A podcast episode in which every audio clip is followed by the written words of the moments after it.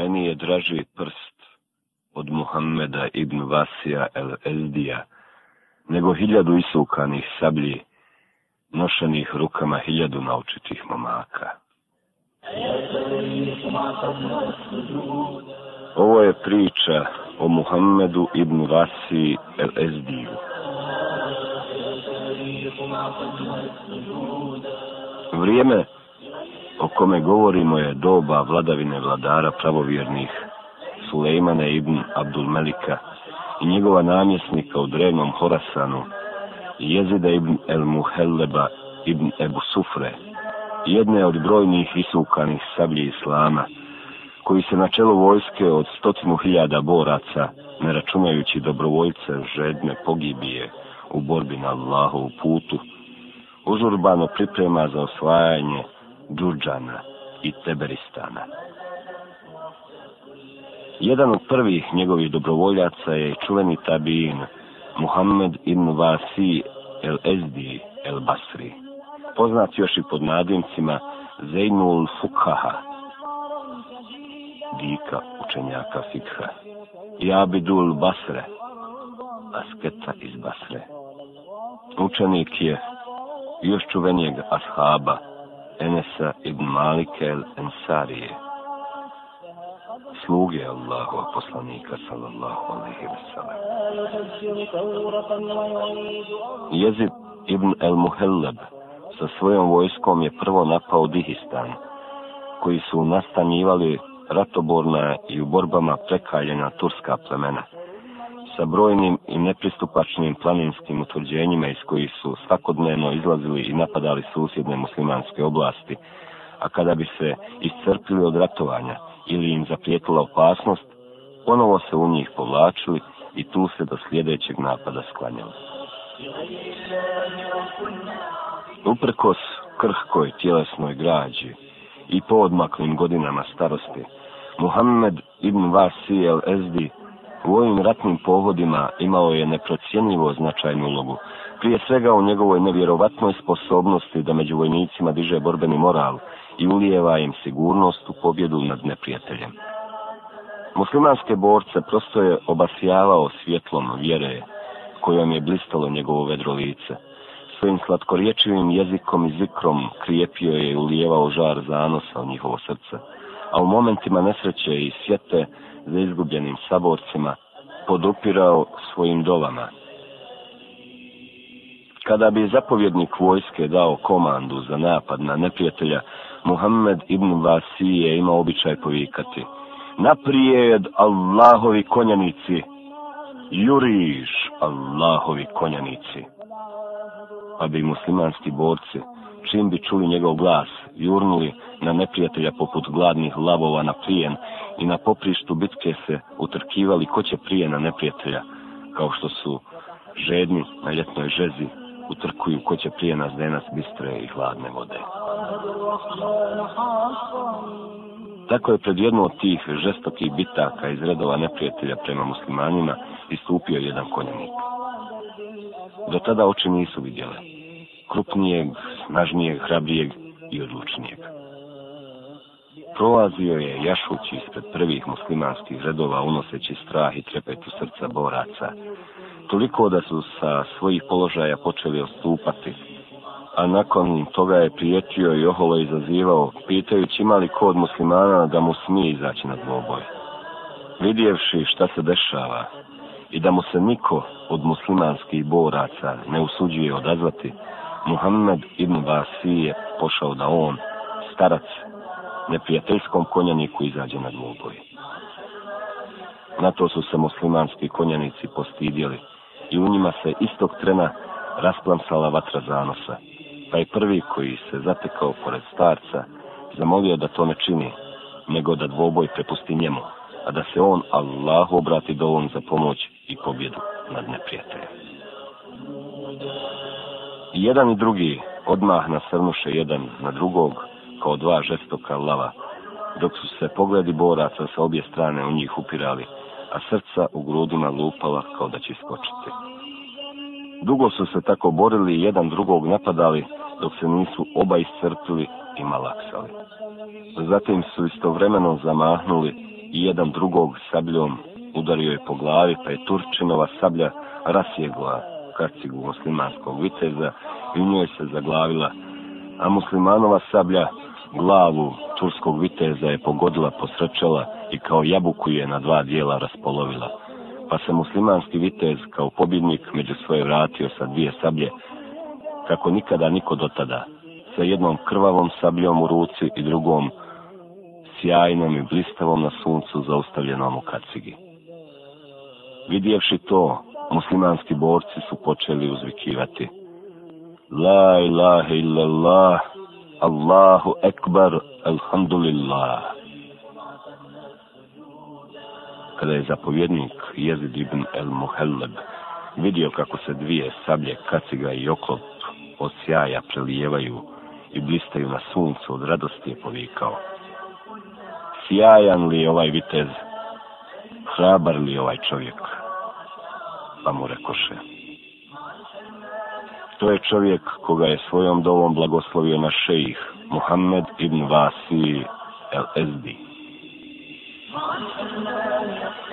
Nakon pogibije turskog viteza, odnos snaga na bojnom polju potpuno se promijenio, tako da su se strah i panika među neprijateljskim redovima širila brže od vatre nošene vjetrom po suncem sprženoj travi, a u muslimanskim redovima širio se žar ponosa i žeć za pobjedom. Potom su se muslimanski borci poput nadošle bujice na Allahova neprijatelja sručili sa svih strana ga opkolili, načinivši oko njega čvrst obruč, poput okova oko zarobljenikova vrata stegnuli i ostavili ga bez vode i dotoka pomoći.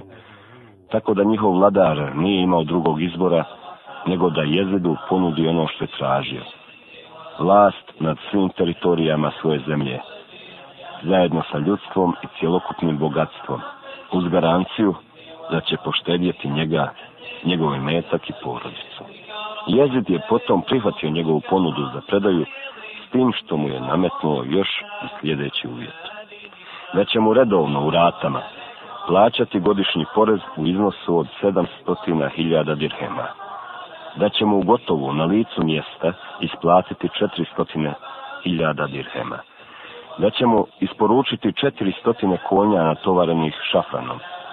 Da će mu poslati 400 ljudi svakog sa peharom ruci od čistog srebra i sa zavežljajem na glavi od kojih će u svakom biti po jedan svileni ugrtač sa kapuljačom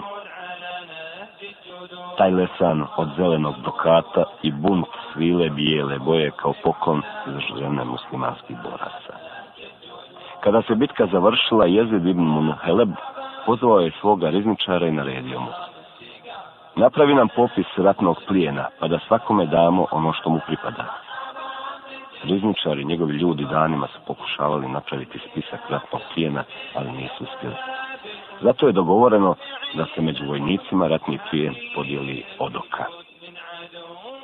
Muslimani su u ovom plijenu između ostalog pronašli jednu krunu, izrađenu od čistog zlata, skupocjenih bisera i dragog kamenja sa vješto ugraviranim reljefom i minijaturama, pa su mnogi na nju bacili oko i poželjeli je se kako dočepati.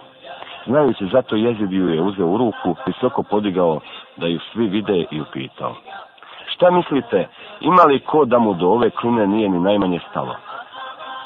Zapovjedniče, Allah ti dao svako dobro, povikali su. Zar može biti da nekome do nje nije stalo? Može, odgovorio je i dodao. Uvjerit ću vas da u Muhammedovu umetu ima još takvih kojima nije stalo ne samo do ove klune, nego ni do svih blaga ovog svijeta. Potom se okrenuo prema svom pratijacu i rekao, nađi mi i dovedi Muhammeda ibn Vasija el Ezdija. Na to je ovaj otišao, sve pretražio i našao ga podaleko od ostalih, poučeno u jedan zakon kako kanja na fila namaz. Iskrušeno, kroz suze i plač, moli Allaha da mu grijehe oprosti. Zatim mu je prišao i rekao, Zapovjednik mi je naredio da se pronađem i poručim da odmah dođeš kod njega odakle je zajedno sa zapovjednikovim pratiocom krenuo, pa je sada su stigli nazvao selam i sjeo pred zapovjednika. Na tomu je zapovjednik još ljepše odgovorio na selam, a potom svojom rukom digao krunu u visi i rekao Ebu Abdullah, muslimanski vojnici su od neprijatelja zarobili ovu skupocijenu krunu, pa sam na zadovoljstvo svih boraca odlučio da je kao ratni plijen dam tebi. Zapovjedniče, zar baš meni je pitao? jeste baš tebi, odgovorio je. Ali zapovjedniče, Allah vas nagradio, ona mi nije potrebna, rekao je. Zakleo sam te Allahom, pa ćeš i uzeti, ponovio zapovjednik. Pa je kada je čuo da ga je zakleo, uzeo krumu i otišao. Na to su neki koji nisu dovoljno poznavali šeha rekli. Eto vam vašeg šeha, nije on se nije mogao suzdržati, nego ju je uzeo i otišao. Potom je jezik jednom od svojih sluga naredio da ga krišom prati i vidi šta će sa krunom uraditi, te da ga o tome, ako šta primijeti, obavijesti. Tako je ovaj i postupio. Muhammed ibn Vasije, idući putem i u ruci noseći krunu, naišao pored jednog zapuštenog i neurednog bijednika koji je prosjeći molio. Pomozite Allah vam pomogao pa je na sve strane oko sebe, na desno, na lijevo i naprijed, razgledao vidjeli ga ko, pa je kada se uvjerio da ga niko ne vidi, prosijaku dao svoju kunu. A onda sav radostan i rasterećen, kao da je tovar sa sebe zbacio, krenuo dalje. Sluga je uzeo prosijaka za ruku, doveo ga pred zapovjednika i ispričao mu šta je sve vidio. Zapovjednik je potom od prosijaka uzeo kunu, za njemu ponudio veliki iznos na koji je pristao, Onda se okrenuo prema vojnicima i rekao, Zar vam nisam rekao da u Muhammedovu, sallallahu alaihi ve sellem, ummetu ima još ljudi kojima ova kruna i slične stvari ne znače ništa. Muhammed ibn Basi nastavio se boriti protiv više božaca pod jezidom ibn el-Muhellegovim zastavom, sve dok se nije približilo vrijeme hađa, Kada je zamolio jezida da mu dozvoli da ode obaviti obrede hađa, pa mu je jezid rekao, Ebu Abdullah, imaš moju dozvolu, pa kreni kada god hoćeš. Naredio sam da ti pripreme i nešto novaca, pa neka ti se nađe pri ruci. Može ti šta na putu za hađe zatrebati? Zapovjedniče, a hoćeš li to isto učiniti svakom svome vojniku? Pitao je. Pa je rekao da neće onda ni meni, mimo ostale vojnike, ne trebaju, odgovorio je. A potom se poselamio i krenuo. Muhammed ibn Vasi el Ezdijev odlazak teško je pao, kako njegovom zapovjedniku Jezidu ibn el Muhellebu, tako i ostalim muslimanskim borcima koji su se na njega bili navikli. Bilo im je žao što je njihova pobjedonosna vojska ostala bez njegovih blagosiljanja, pa su jedva čekali da se poslije obavljenog hađa među njih ponovo vrati. Nema sumnje da su i drugi vojni zapovjednici širom zemlje priželjkivali vidjeti asketu iz Basre, Muhammeda ibn Vasija u redovima svoje vojske, jer su se sa njime osjećali sigurnije i nadali se da će im uzvišeni Allah odazvati se na njihove hajrdove i dati im pobjedu, i svako dobro.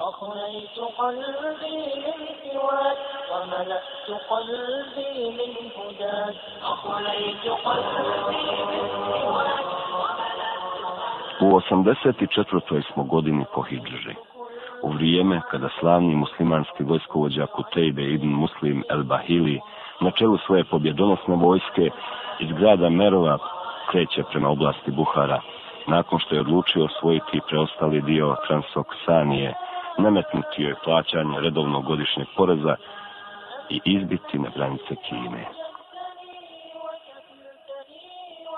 Međutim, tek što je Kutejbe ibn Muslim sa svojom vojskom prešao rijeku Sihon, u Buhari se saznalo za njegov pokret, pa su na sve strane digli uzbunu i počeli tražiti pomoć od susjednih carstava, Sogdijskog, Turskog, Kineskog i drugih, tako da se protiv muslimana okupila višestruko brojnija i opremljenija vojska sastavljena od naroda svih rasa, jezika i vjera.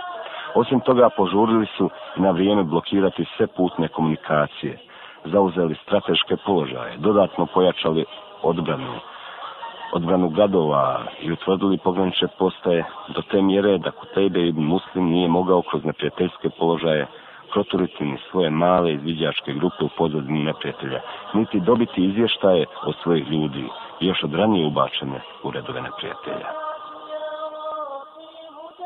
Zbog toga Kutejbe ibn Muslimu nije preostalo ništa drugo, nego da se sa svojom vojskom u logori u blizini grada Bikenda u Transoksaniji, gdje su ga isturene i lahko pokretne neprijateljske čete svakodnevno po cijel dan provocirale, a kada bi pao mrak, zabitim putevima se povlačilo u svoja dobro pranjena planinska otvrđenja. Tako je potrajalo puna dva mjeseca.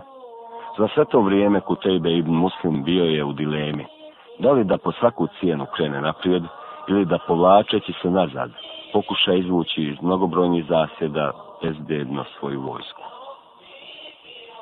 Ubrzo su se vijesti o nezavidnom položaju Kutejbine vojske proširile širom islamskog carstva, tako da nije bilo muslimanskog uha, a da se nije zabrinuo za sudbinu ove do tada nepobjedive vojske i njenog slavnog zapovjednika.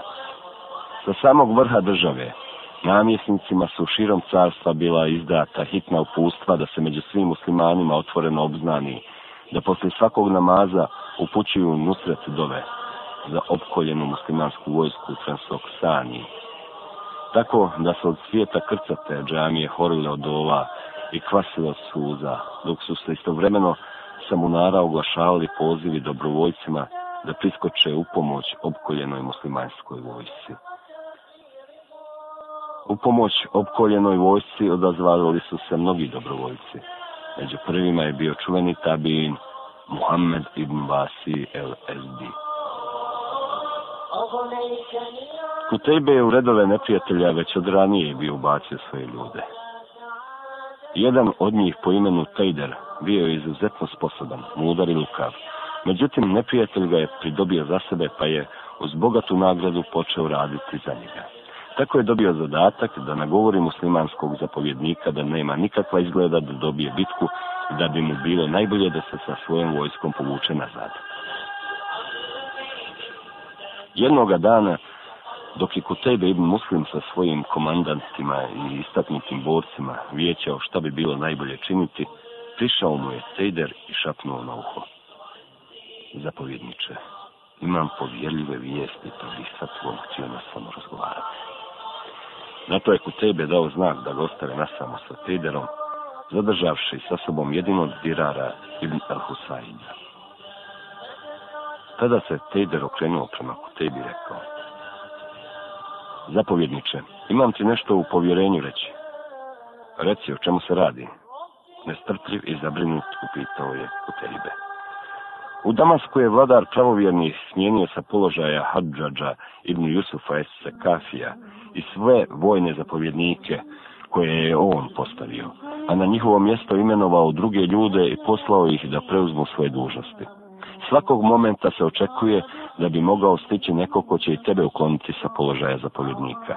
Zato mi se čini da bi bilo najbolje da se prije toga sa vojskom povučeš i da u mervu, daleko od fronta, razmisliš šta ti je najbolje činiti. Tejder nije bio sve ni završio.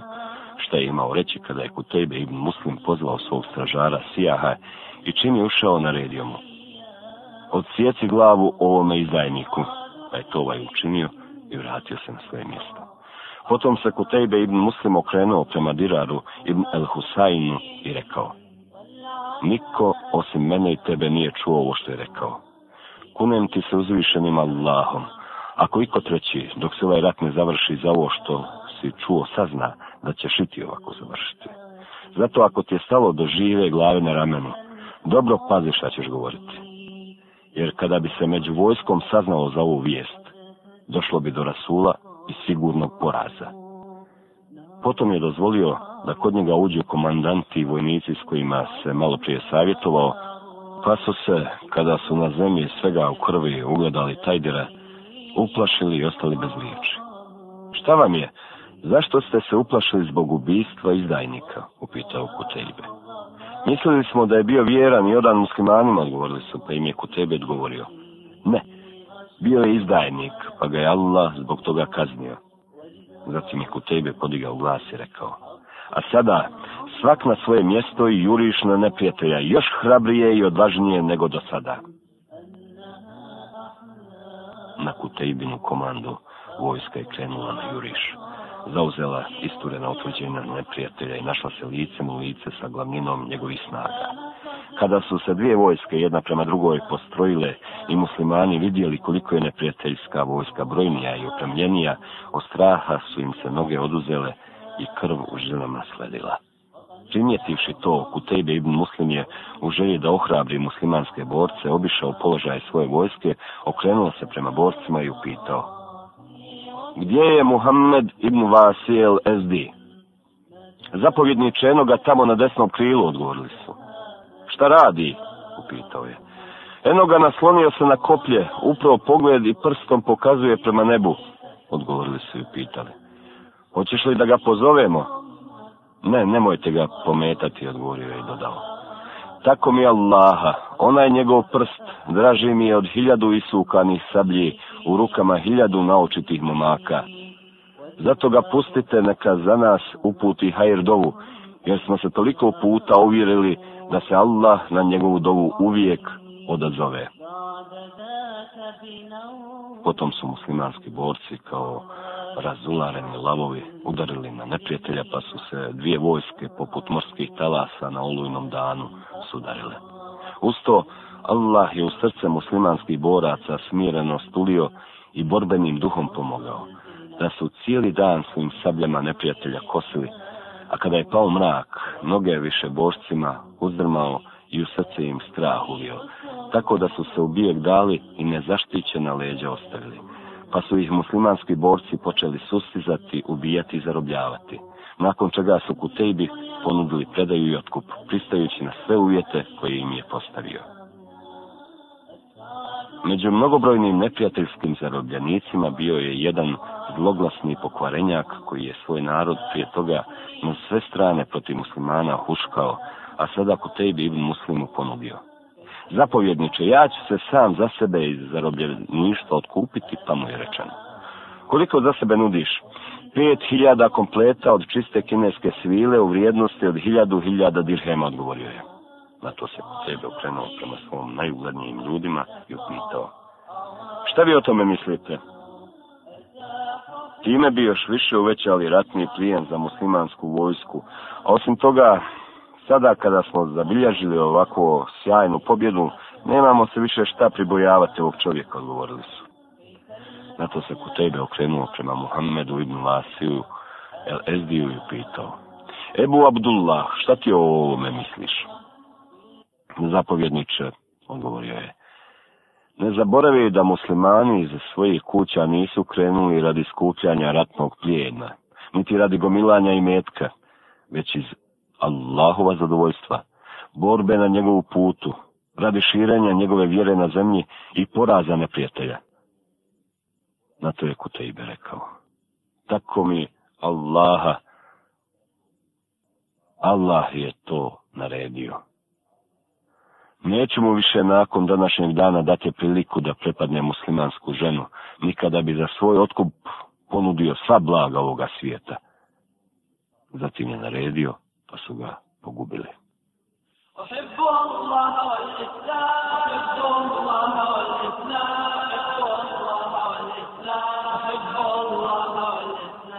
Muhammed ibn Vasi el Ezdi nije bio u prisnim odnosima samo sa nevijskim zapovjednicima jezidom ibn al-Muhallebom i Kutejbom ibn Muslimom, nego i sa mnogim drugim namjesnicima i vojskovođama, posebno sa namjesnikom Basre Bilalom Ibn Ebu Burdom. O njegovim odnosima sa ovim namjesnikom poznate su mnoge priče i brojni primjeri odanosti o kojoj se pričalo na sve strane. Tako se pripovijeda da je jednom prilikom u gruboj, vunenoj i sprijeda prorezanoj košulji ušao kod Bilala pa ga je ovaj pitao. Ebu Abdullah, zašto oblačiš tako grubu odjeću? A starac se napravio da ne čuje i ništa mu nije odgovorio. Potom se Bilal u njega dobro zagledao i ponovo ga upitao. Ebu Abdullah, zašto mi ne odgovoriš? Nije mi drago da ti kažem da to činim iz skromnosti, pa da ispadne da se sa skromnošću ponosim, a još manje da ti priznam da nemam šta drugo obući, pa da ispadne da se pred svojim gospodarom žalim odgovor. Na to je Bilal upitao. Ebu Abdullah, treba li ti šta pa da ti učinim? Pa mu je odgovorio. Što se mene lično tiče, ne treba mi ništa, ni od tebe, niti od bilo koga drugog. Ali sam ti došao sa potrebom za jednog brata muslimana, pa će ti ako mu pomogneš biti zahvalan, a ako ne pomogneš, razumijet će te i neće ti zamjeriti. Ako Bog da, pomoći će mu, odgovorio je. Zatim se namjesnik okrenuo prema njemu i upitao. Ebu Abdullah, šta kažeš o sudbini i Allahu određenju? Pa se okrenuo i rekao mu. Namjesniče, Allah svoje robove na sudnjem danu neće pitati za sudbinu, nego za njihova dijela. Na to se namjesnik postidio i ušutio se. Uskoro je došlo vrijeme ručka, pa ga je namjesnik ponudio da sa njima zajedno ruča, što je ovaj, nečkajući se i tražeći razne izgovore, odbio da pa se namjesnik naljutio i rekao mu, Ebu Abdullah, ne znam zašto si se zarekao, pa od nas nećeš ni zaloga je uzeti ne govori tako namjesniče. Jer tako mi Allaha, vi koji valjate, draži ste mi od najbliže rodine i moje rođene čeljade. Muhammedu ibn Vasiju el Ezdiju više puta bilo je nuđeno da preuzme položaj kadije, ali je to svaki put glatko odbio, što ga je ponekad koštalo i ličnog uznemiravanja. Tako ga je jednom prilikom pozvao Muhammed ibn el Muhzir, zapovjednik policije u Basri, rekao mu. Namjesnik Iraka zamolio me da te pozovem i ponudim ti položaj kad je, pa mu je na to rekao. Allah vam se smilovao, pošterite me te obaveze. Ponovio mu je to dva, tri puta, a kada je vidio da neće dobrovoljno poslušati za povijedinik, mu je zaprijetio. Tako mi Allaha, ili ćeš to prihvatiti, ili će narediti da te izbičuju sa 300 udaraca bića ako se usudiš na tako nešto, onda si prebrze ruke. Ja to čak ni tada ne bih prihvatio, jer lakše je podnijeti kaznu na ovome nego na onome svijetu. Odgovorio je, pa se ovaj postidio i odustao lijepo sa njim postupiš. Muhammed ibn Vasio Kružok, na kome je držao predavanja u džami u Basri, uvijek je bio pun ljubitelja znanja, žednih savjeta i mudrosti. Historija je zabilježila brojne primjere mudrosti sa ovih predavanja. Tako je jednom čovjeku koji ga je zamolio da ga posavjetuje rekao Savjetujem ti da budeš car i na ovome i na onome svijetu. Pa se čovjek začudio i upitao Ebu Abdullah, a kako će to postići? Pa mu je odgovorio Živi skromno na ovome svijetu pa ćeš biti kao car jer ti neće trebati ono što drugi imaju a na budućem svijetu ćeš biti car, jer ćeš kod Allaha za to biti obilno nagrađen. Jednom drugom čovjeku koji mu je rekao, Ebu Abdullah, volim tu ime Allaha, i odgovorio, Allah te zbog ljubavi prema meni zavolio, a zatim se okrenuo i otišao ponavljajući. Allah, utječem ti se da me u tvoje ime drugi vole, a da ti sa mnom budeš nezadovoljan. Također, kada bi čuo da ga neko pretjerano hvali zbog svoje pobožnosti, bogobojaznosti, imao je običaj reći, kada bi grijes imali miris, meni se od smrada niko ne bi mogao približiti. Muhammed ibn Vasi svoje je učenike stalno podsticao na pobožnost i život u skladu sa Allahovom Đelešanu Huknjikom. Često im je ponavljao, Kur'an je vjernikova bašća. Gdje god sjedne, oko njega je ljepota i zelenilo. Savjetujući ih da što manje jedu, govorio je. Ko malo jede, bolje razumije i ništa mu nije teško. A ko mnogo jede, vremenom postane tromilijen, pa mu je sve teško. Muhammed ibn Vasi je bio izuzetno bogobojazan i pobožan čovjek tako da su o njegovoj bogobojaznosti i pobožnosti zabilježene mnogobrojne izreke. Tako je, dok je na pijaci prodavao magarca, upitan od jednog čovjeka. Šejih, šta misliš, da li bi valjao za mene? Da valja za mene, ne bih ga ni prodavao. Cio svoj život, Muhammed ibn Vasi proveo je u bojazne grijeha i strahu kako će izaći pred svoga gospodara. Kada bi ga upitali, Ebu Abdullah, kako si jutro se osvanuo, imao je običaj reći, blizu smrti, daleko od onoga čemu se nadam i sa mnogo loših dijela.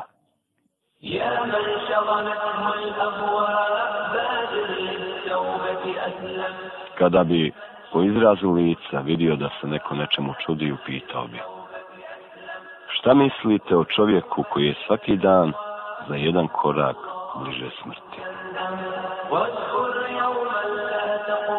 Kada je Muhammed ibn Vasiji pao na samrtničku postaju, kuća mu je svaki dan bila prepuna prijatelja koji su ga dolazili obići. Tako da su stalno jedni dolazili, drugi odlazili, jedni sjedli, a drugi stajali, pa je jednoga od svojih uhvatio za kraj košulje i upitao – Šta misliš, hoće li mi ovi moći šta pomoći kada za kose i noge budemo ščepani? Ili hoće li mi šta moći pomoći ako u vatru džehennemsku budem bačen? Zatim je svoga gospodara počeo moliti. Allahu, oprosti mi za svako mjesto gdje sam stao, a nisam trebao stati. Allahu, oprosti mi za svako mjesto gdje sam sjeo, a nisam trebao sjesti, Allahu, oprosti mi za svako mjesto gdje sam kročio, a nisam trebao kročiti. Allahu, oprosti mi za svako mjesto koje sam napustio, a nisam trebao napustiti. Allahu, oprosti mi za svako nevaljalo dijelo koje sam učinio, a nisam trebao učiniti. Allahu, oprosti mi za svaku nevaljalu riječ koju sam izgovorio, a nisam trebao izgovoriti. Allahu, ja se za sve navedeno kajem, pa mi pokajanje primi. Allahu, ja te molim da mi sve ove grijehe oprostiš, pa ih oprosti. Allahu, daj da pred tebe izađem prije, nego što zbog grijeha kazni zaslužio. Izgovorio je ove riječi, a onda ispustio dušu.